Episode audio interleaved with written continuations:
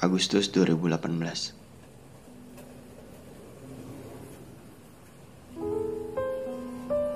Kadang saat kau mencintai seseorang seutuhnya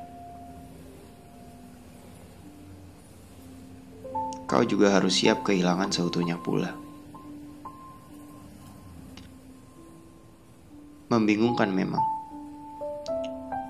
Melihat seseorang menyerah pada suatu hubungan yang sudah tertata baik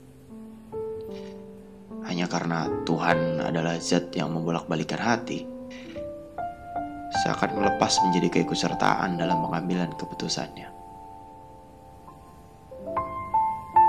Padahal,